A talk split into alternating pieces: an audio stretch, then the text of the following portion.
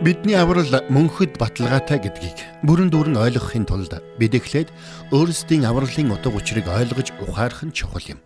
Тиймээс өнөөдөр доктор Чарлз Стенли бидэнд Есүс Христ загалмай дээр урсгасан цусаараа бидний өнгөрсөн одоо ирээдүйн бүхий л гим нүглийг цагаатгаж бидний гим нүглийн асуудлыг бүр мөсөн шийдсэн гэдгийг дахин сануулж өгөх болно. Есүс Христ хүн төрлөختний өнгөрсөн одоо ирээдүйн бүх гим нүглийн асуудлыг үүрд шийдэхийн тулд загалмай дээр амиа өгсөн.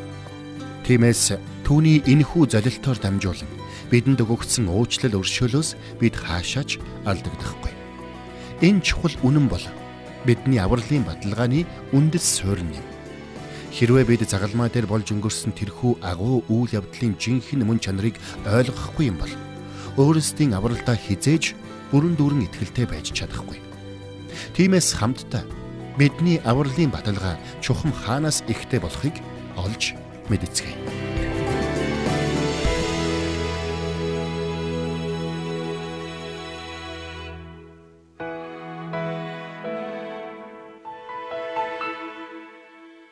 Та бид авралын талаарх Библийн сургаалыг бүрэн дүүрэн ойлгож авах нь бидний итгэлийн амьдралд амин чухал юм. Хэрвээ бид үүнийг бүрэн дүүрэн ойлгохгүй юм бол авралаа алдахгүй гэдэгтээ итгэлтэй байж чадахгүй төрөх болно. Улмаар авралаа алдахгүй байхын тулд хичээж зүтгэх ёстой гэсэн төөрөгдөлд автагдаж итгэлийн амьдралаа зовлонгоор дүүргэж орхих болно. Тиймээс би юуны түрүүнд танд аврал гэж чухам юу болохыг эхлээд товчхон тайлбарлаж өгмөр байна. Аврал гэдэг нь мөнхийн үхлээс гэтлэгдэж мөн хамийг хүлээн авахын нэр юм. Тэгвэл мөн хам гэдэг нь чухам яг юу юм бэ? Энэ бол бидэнд өгсөн Бурхны бэлэг буюу Есүс Христ өөрөө юм. Библийн тухай хэлэхдээ Иохны 1:12 дээр харин өөрийг нь хүлээн авсан болгонд өөрийнх нь нэрэнд итгэгчдэд тэрээр Бурхны хүүхэд болох эрхийг өглөө гэсэн байна. Есүс Христийг хүлээж аваагүй нэгэн авралыг аваагүй гэдгийг энд маш тодорхой хэлсэн байна. Харин Есүс Христийг хүлээн авсан бүхэн авралыг авсан гэсэн үг. Тэгвэл Есүс Христэд итгэсэн хүн хэрхэн аврагддаг юм бэ? Тэр хүний гемт нүгэлт мөн чанар, нөхцөл байдал хэрхэн өөрчлөгддөг юм бэ? Есүс Христ бидний гим нүглийн төлөө амиа өгсөн гэдэг нь нэг хэрэг. Гэтэл түүгээр зогсохгүй тэр бидний амьдралд орж ирэн бидэнд цоошин мөн чанарыг өгсөн гэдгийг Библи гэрчилдэг юм. Ариун сүнс бидний дотор нутаглаж түүгээр дамжуулан Есүс Христийн оршихуй бидэнтэй хамт байдаг гэдгийг Библи баталдаг юм. Тиймээс Иохны 15-ын 4 дээр эзэн Есүс айлдахдаа Миний дотор байх тун би ч та нарын дотор байна. Усан үзмийн модонд холбогдохгүй л бол мөчр өөрөөсөө жимс ургуулж чадахгүй адил. Та нар мөн миний дотор байхгүй бол тийм байх болно гэсэн байдаг. Мөн 2 дугаар Коринт номын 5-ын 17 дээр Илч Паул инхүү бичсэн байна. Тиймээс хин нэг нь Христ дотор байвал тэрээр шин бүтээл мөн харахтун хуучин өнгөрч шин болсон байна гэсэн байдаг. Үүнхээр бид Есүс Христэд итгэсэн Тэрл мөчөөс эхлэн шин сүнс, шин амьдрал, шин зориг, чиглэл, шин хувь тавилан хүлээж авсан юм. Энэ бүхэн гагцхүү Есүс Христийн улмаас юм. Есүс Христ загалмай дээр хүн төрлөختний түүхэнд хамгийн агуу үйлсийг бүтээсэн учраас тэр юм. Тэр бидний гим нүглийн төлөө загалмай дээр амиа өгсөн. Тинхүү түүнд итгэж түүнийг хүлээн авахч бүхний гим нүгэл цаатгах болно. Тэр хүн шин амьдрал буюу Есүс Христийн амьдралыг хүлээж авах болно. Тиймээс бид авралыг мөнхийн үхлээс гэтлэгдэж Есүс Христийг буюу мөн хамийг хүлээж авах явдал хэмээн тодорхойлж болох юм.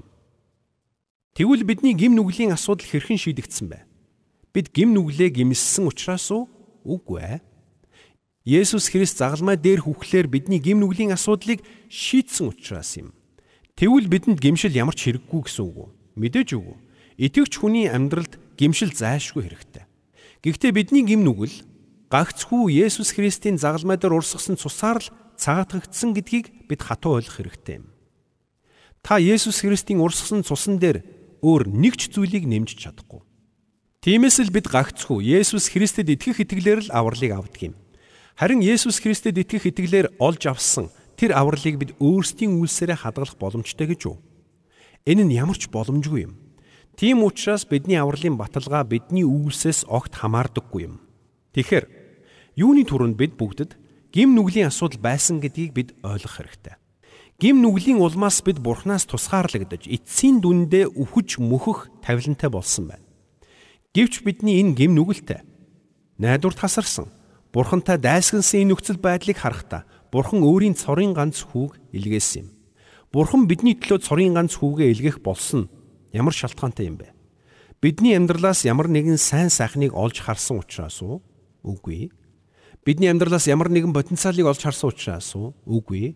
Харин Библиэд Иохны 3:16-д хэлэхдээ Бурхан ертөнцийг буюу Бурхан таныг үнэхээр хайрласандаа цорын ганц хүүгээ өгсөн юм.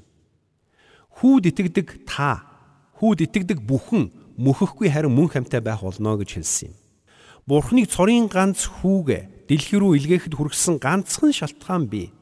Энэ бол биднийг, таныг, бүгдийг хайрлсан Бурханы хайр. Түүнээс биш гим нүгэлтэй бурхны эсрэг дайсгансан цөхрөнгөө барсан гим нүглээсээ болоод мөхөж сүрэх тавилантай бидний ямар ч үйлдэл ямар ч зам байдал ямар ч хандлага бурхныг цорын ганц хүүгээ бидний төлөө илгээхэд хүргэж чадахгүй юм. Зүгээр л бурхан бидэнд хайртай учраас цорын ганц хүүгээ өгсөн. Энэ бол бурхан бидэнд авралын мутраа сунгах болсон шалтгаан юм. Эндээс та нэг зүйлийг үнэхээр ойлгосоо гэж би хүсэж байна. Та Есүс Христэд итгэх итгэлээс татгалзаж Бурхны санал болгож буй золилтоос нүүр бууруулснараа Бурхны аврал уучлалд нурууга харуулснараа та зүгээр нэг үзэл санааг эсвэл философиг эсвэл ямар нэгэн теологийг үүсгэж байгаа хэрэг биш юм. Харин үүгээрээ та Бурхны цорын ганц хүү Есүс Христийг үүсгэж байгаа хэрэг юм. Өөрөөр хэлбэл та Бурхны санал болгож буй авралаас татгалзна гэдэг нь түүний илгээсэн аврагч Есүс Христээс татгалзаж байна гэсэн үг юм шүү хүн төрлөختөнд гим нүглийн асуудал нүүрлсэн гэдгийг би өмнө ярьсан. Энэ бол ямар нэгэн үйл хөдлөл, зам байдлын тухай асуудал биш, харин бидний мөн чанарын асуудал юм. Тиймээс бид энэ нүгэлт мөн чанараасаа чөлөөлөгдөхийн тулд бидэнд шин ам хэрэгтэй юм. Харин энэ шин амийг бид зөвхөн Есүс Христээр л дамжуулан хүлээн авах боломжтой юм. Тэгвэл Иохны 3:16-д Бурхан юу гэж амласан бэ? Бурхан ертөнцийг үнэхээр хайрласандаа цорын ганц хүүгээ өгсөн юм а. Хүүд итгэдэг бүхэн мөхөхгүй харин мөн хамтай болно л гэж амласан. Энэ бол түүний мөнхийн амлалт. Бид олон удаа хэн нэгэнд амлалт өгдөгч амлалтаа зөрчих тохиолдол олон гардаг. Харин бурхан бол итгэмжтэй. Тэр хизээж амлсан амлалтаа зөрчидөггүй. Тэгвэл бид Есүс Христэд итгэж түүнийг хүлээж авах үедээ мөнхийн амийг хүлээн авч мөхлөөс аврагдах болно гэдгийг бурхан амласан байна. Тэгэхээр бид хамтдаа энд мөхөл гэж яг юуны тухай ярьж байгааг ойлголоо. Тэгвэл бид мөнх амийг хүлээн авна гэдэг нь юу гэсэн үг вэ? Бид өмнө аврал бол мөнхийн үхлээс гэтлэгдэж мөнхийн амийг хүлээн авчгүй хэрэг гэж үзсэн. Тэгвэл мөнх ам нь өөрийн гэсэн чанартай. Өөрийн гэсэн хугацаатай. Энэ мөнх ам бол бидний дотор нутаглан буй Есүс Христ юм. Мөнх ам гэдэг нь тодорхой чанартай гэж бисээ хэллээ. Энэ чанар бол Бурхан руу хандсан чанар юм. Бурханы хүслийг үйлдэж Түүнийг даган амьдрахыг тэмүүлдэг чанар юм. Мэдээж энэ нь огт алдаа гаргахгүй төгс байхын нэр биш ээ. Энэ амьдралдаа бид алдаа гаргаж нүгэл үлдэх болно. Гисэн хэдий ч тэр бүхний цаана бидний зүрх сэтгэл оюун санаа итгэл үнэмшил бүхлээрээ бурхан руу тэмүүлсэн байх болно. Бурхны замаар алхаж бурхныг дуулууртаа дагахыг эрмэлдсэн шин чанарыг бид энэ мөн хаймаас олж харж чадна. Цаашилбал мөнх амин өөрийн гэсэн цаг хугацаатай гэж хэлсэн. Энэ бол мөнхийн цаг хугацааг хэлж байгаа юм. Эзэн Есүс Иохны 10-ын 27-оос 28-д хэлэхдээ Миний хонд дууг минь сонсдог юм аа. Би тэднийг таньдаг. Тэд намайг дагдаг юм. Би тэдэнд мөнх амийг өгнө. Тэд хизээч мөхөхгүй бөгөөд тэднийг хинч гараас минь булаахгүй гэсэн байдаг. А харин бидний өмнө уншсан Иохны 3:16 дээр бол Бурхан ертөнцийг үнэхээр хайрлсан. Хайрлсан учраас цорын ганц хүүгээ өгсөн. Тиймээс хүүд итгэдэг нь мөхөхгүй харин мөн хамтай болох юм а гэсэн байдаг. Энд нэг цаг хугацааны тухай өгүүлсэн өгсөд байгаа. Хизээч мөхөхгүй гэдэг нь мөнхийн цаг хугацааг илэрхийлж байгаа юм. Тэд мөхөхгүй байж магадгүй гэж Есүс хэлээгүү. Харин ч маш тодорхойгоор тэд хизээч мөхөхгүй гэж хэлсэн байна. Мөн Иохны 10:28-ыг дахин харах юм бол Би тэдэнд мөн хамийг өгнө. Тэд хизэж мөхөхгүй бөгөөд тэдний хинч миний гараас булаахгүй гэж хэлсэн байдаг. Тэгвэл мөнхийн ам гэж чухам юу юм бэ? Энэ бол үрд амьдрах амьдрал юм. Энэ бол мөнх амийн үргэлжлэх цаг хугацаа. Тэгвэл энэ ам нэгэнд мөнхийн учраас бид үүнийг хизээж алдахгүй гэсэн үг юм. Загалмай дээр урсгасан цусаараа Есүс Христ бидний бүх гимнүглийн төлөөсийг үрд төлсөн учраас биднийг Есүс Христэд итгэж түүнийг аврагчаа болгон хүлээн авсан тэрл мөчөд бидний бүх гимнүгэл үрд цагаатагдсан юм. Үүнийг хүлээж авах ямар ч гавьяаг бид байгуулаагүй. Бид энэ мөнх амийг үрд хадгалах юу ч өөрөөсөө хийж чадахгүй. Тиймээс Иохны 10:28-д хэлэхдээ би тэдэнд мөнх амийг өгсөн. Тэд хизээч мөхөхгүй бөгөөд тэднийг хизээч миний гараас хинч булаахгүй гэсэн байгаа юм. Хэрвээ би Есүс Христэд итгэж авралыг авсан ч энэ авралаа хадгалах хэсэг нь миний өвсөөс хамаарна гэж итгэх юм бол авралын баталгаанд хизээж бүрэн итгэлтэй байж чадахгүй юм. Тиймээс та намайг анхааралтай сонсоорой. Угтаа бол бид мөнхийн авралыг гагцгүй бидний өмнөөс загалмай дээр амиа өгсөн Есүс Христийн үхлээр бидний гим нүглийн төлөөсийг төлөх гэж урсгасан түүний цусаар дамжуулан хүлээн авсан юм. Үүн дээр юу ч нэмж үүнээс юу ч хасах шаардлагагүй. Тиймээс та авралыг авсан буюу мөнхийн үхлээс гэтлэгдэж мөнхийн ямиг авсан гарцаагүй бурхны нэгүслийн үр дүн юм. Тэр өөрт нь итгэсэн хүн бүрт энэ авралыг бэлэг болгон өгсөн. Энэ амлалт итгэгч хүн бүрт хамаатай юм. Тэгэхээр бид юуны түрүүнд бидэнд гим нүглийн асуудал байжээ гэдгийг ойлгосон. Хоёрдугаарт Бурхан Есүс Христийн урсгасан цусаар дамжуулан бидэнд авралын бэлгийг үнгүй өгсөн гэдгийг ойлголоо. Энэ бол Бурхны нэгүсэл гэдгийг ч бид үзсэн. Үүний дараа Бурхан бидэнд мөн хамийн амлалтыг өгсөн гэдгийг бид ойлгосон. Тэгвэл эндээс нэгэн асуулт урган гарч ирнэ. Яг юу биднийг мөнхийн үхлээс чөлөөлөгдөхөд хүргэж байгаа юм бэ? Энэ бол бидний зам байдал, үйл хөдлөлт гарч буй өөрчлөлт бус харин мөн чанарын өөрчлөлт юм. Өөрөөр хэлбэл бид Есүс Христийн дотор цоо шин бүтээл болсон учраас бид мөнхийн амийг хүлээн авсан. Бурхантай мөнхөд хамт амьдрах боломжтой болсон юм. Христэд итгэгчдийн дунд авралын талаар маш олон буруу зөрүү ойлголтууд байдаг. Тийм учраас би энэ бүхнийг зориудаар дахин дахин танд сануулсан хэлж байгаа гэдгийг ойлгоорой. Маш олон хүн цуглаанд явж, гимнүглээ гимшиж, баптизм хүртэж, эзний зоогийн ёсолд оролцож, Библи уншиж залбирсан ч энэ бүхний аль нь ч биднийг авралт хүргэхгүй гэдгийг бид ойлгох ёстой. Харин Библиэд Иохны 3:16-д хэлэхдээ Бурхан л ертөнцийг үнэхээр хайрлсан да. Тэр цорын ганц хүүгээ өгсөн юм шүү.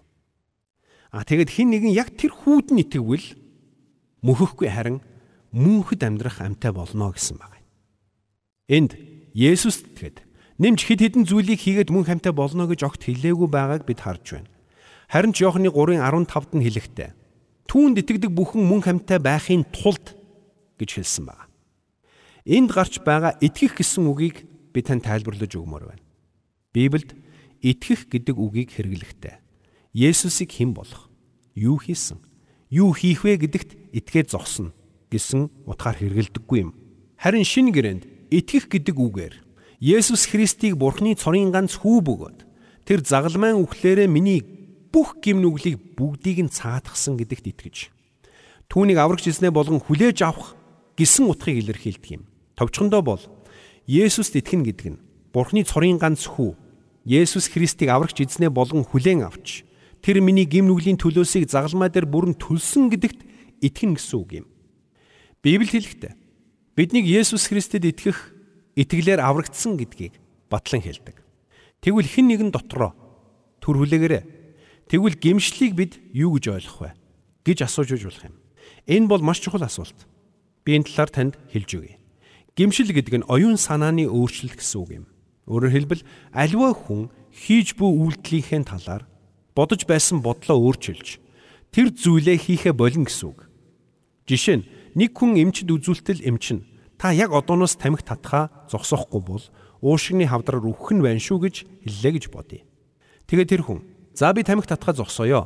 Тамхи миний амьдралд тийм ч чухал зүйл биш болохоор би өнөөдрөөс тамхи татхаа боллоо гэж хариулжээ гэж бодъё. Энэ нь тэр хүн тамхи татах тухай бодлоо өөрчилсөн гэсэн үг. Тэгэхэр гимшил болон аврал гэдэг нь бид Бурхны өмнө би цаашид ийм зүйлийг хийхгүй байх болно гэж амлалт өгөхийн нэр биш юм.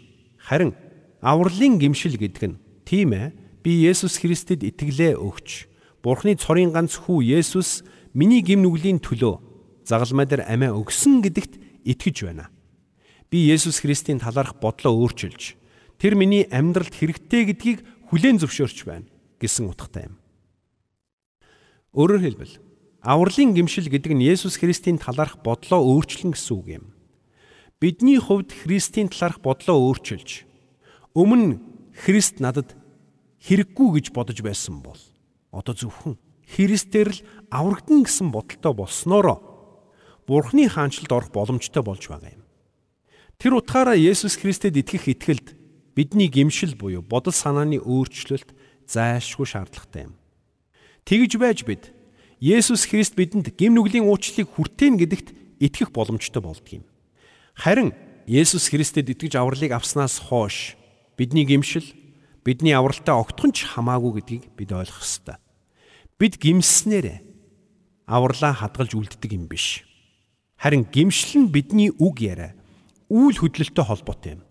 Мэдээж энэ нь бидний итгэлийн амьдралын чухал хэсэг мөн. Гэхдээ бидний авралтай огтхон ч холбоогүй гэдгийг бид ойлгох ёстой. Гимшил нь бидний Христ итгэлд нийцсэн амьдралаар амьдрахад тустай гэдэг утгаараа бидний итгэлийн амьдралын салшгүй хэсэг болохоос бидний авралыг хадгалж байдаг зүйл биш юм. Бидний амьдралд гимших шаардлагатай зүйл байгаа тохиолдолд ариун сүнс биднийг ятгадаг. Тэр цагт бид гимшиж Бурхан минь энэ зүйлийн талаарх бодол санаагаа би өөрчилж байна. Надад энэ зүйл хэрэггүй. Энэ зүйл буруу гэдгийг би таны өмнө хүлээн зөвшөөрч байна. Би энэ зүйлээс эргэж байна хэмээн залбирдаг. Энэ бол бодол санааны өөрчлөлт. Энэ бол гимнүглийн талаарх бодол санаагаа өөрчилж байгаа хэрэг. Энэ нь бурхантай нөхөрлөж, бурхантай хамт алхах бидний итгэлийн амьдралд зайлшгүй шаардлагатай юм. Харин олон хүмүүсийн эндүрч явдаг шиг бид гим нүглээ гимснээр авралыг олж авч гимснээр авралаа алдахгүй хадгалж байгаа юм бишээ. Тэгэхээр бид аврал бол мөнхийн үхлээс гэтлэгдэж мөнхийн амийг хүлээн авах явдал юм байна гэдгийг ойлгосон. Бид Есүс Христэд итгэх итгэлээр тэрхүү мөнх амийг хүлээж авдаг гэдгийг бид мэднэ. Энэ итгэл дээр өөр юу ч бид нэмэх шаардлагагүй. Энэ итгэлээсээ юу ч хасах шаардлагагүй. Тэгвэл би танаас асууя.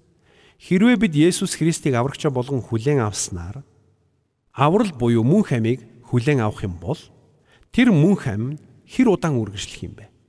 Мөнхийн мөнхөд. Тийм ч учраас үүнийг мөн хам хэмээн нэрийдсэн юм. Йоханны 3:16 дээр Бурхан ертөнцийг үнэхээр хайрласандаа цорын ганц хүүгээ өгсөн тул хүүд итгэдэг бүхэн мөнхөхгүй харин мөн хамтай болно хэмээн тодорхой хэлсэн байдаг шүү дээ. Үргэлжлүүлээд Эфесийн 2:8-9-ийг гаргаад харах юм бол нэгүслийн учир итгэлээрээ аврагдсан. Та нараас бус. Харин Бурханы бэлэг бөгөөд. Үйлсээр ч биш. Тул хинч үл сайрхах болно гэсэн баг. Бурхан биднийг зөвхт байдлын үйлсээр минь бус. Харин нэгүслийнхээ учир Христэд итгэх итгэлээр аварсан гэдгийг Илч Паулынд маш тодорхой хэлсэн байна. Би яг үүнийг дахин дахин сануулад байна вэ гэвэл хэрвээ бид Есүс Христэд итгэх итгэлээсээ гадна амьдралаа өөрчилж илүү сайн хүн болсноороо авралыг хүлээж авдаг гэж итгэх юм бол тэр авралаа алдахгүй хадгалж байхын тулд алдаа мадаггүй өөрсөвгүй хүн байх ёстой гэсэн ойлголттой явах болно. Ийм бодолтой хүн хизээч авралдаа бүрэн дүүрэн ихтгэлтэй байж чадахгүй. Учир нь бид гим нүгэл үйлдэх бүрдээ дотроо би авралаа алдчихсан юм болов уу гэсэн эргэлзээ тэнэгэлзэлд автдаг юм. Гэтэл Есүс хэлэхдээ миний хонд дууг минь сонсдог юм. Би тэднийг таньдаг. Тэд намайг дагдаг юм. Би тэдэнд мөн хамиг өгнө.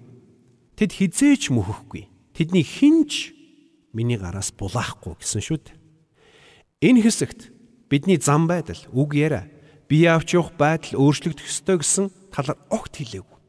Зүгээр л түүнд итгэж бүхэн аврагдах болно гэдгийг л Библи тунхалдаг. Тэр утгаараа аврал бол Бурхны хүү Есүс Христэд итгэх итгэлийн үр дүн юм. Энэ нь бид Есүс Христ бидний гэм нүглийн төлөөсийг загалмай дээр бүрэн төлсөн гэдэгт итгэж түүнийг аврагчаа болгон хүлээн авах явдал юм.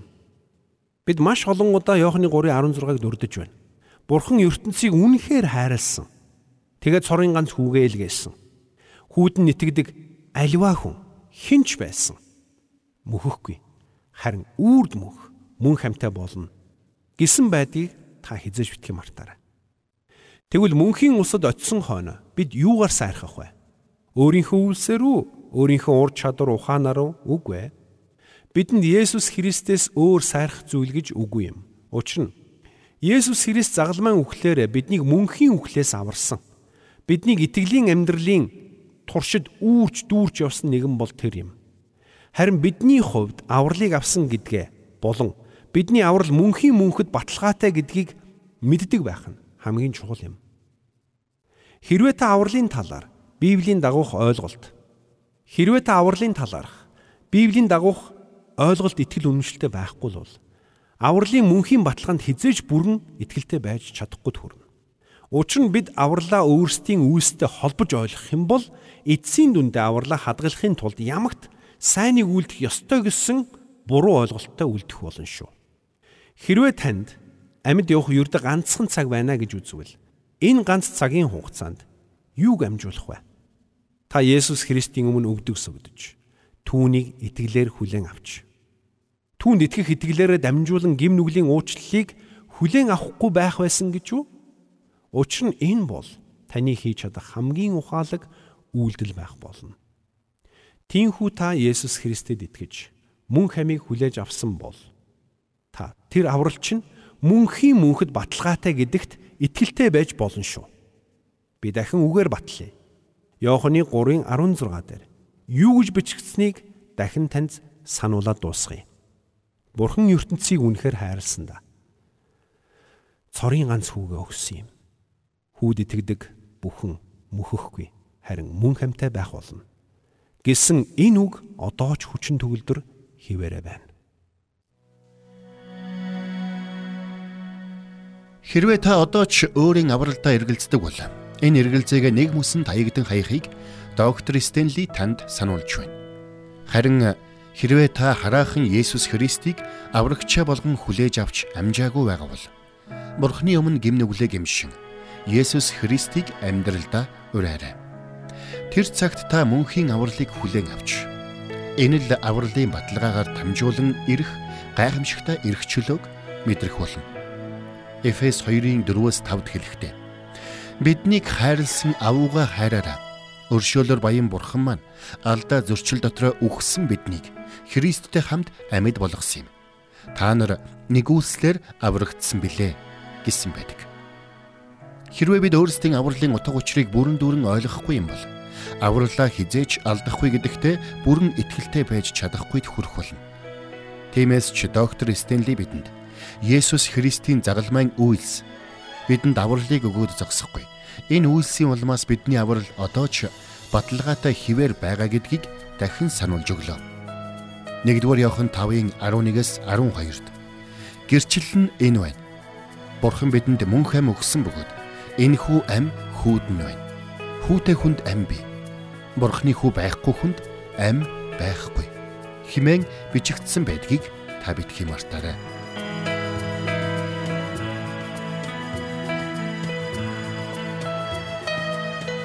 Бурханд тэмүүлсэн сэтгэл хүмүүсийг энэрх зөрхөөр амьдрахад туслах номлогч доктор Чарлз Стенлигийн хамттай нэвтрүүлэг сонсогч танд хүрлээ. Нэвтрүүлгийг дахин сонсохыг хүсвэл ихтгэл радиоцик.com-оор зочлоорой. Бидэнтэй холбогдохыг хүсвэл 8085 99 тэгтэг дугаард хандаарай.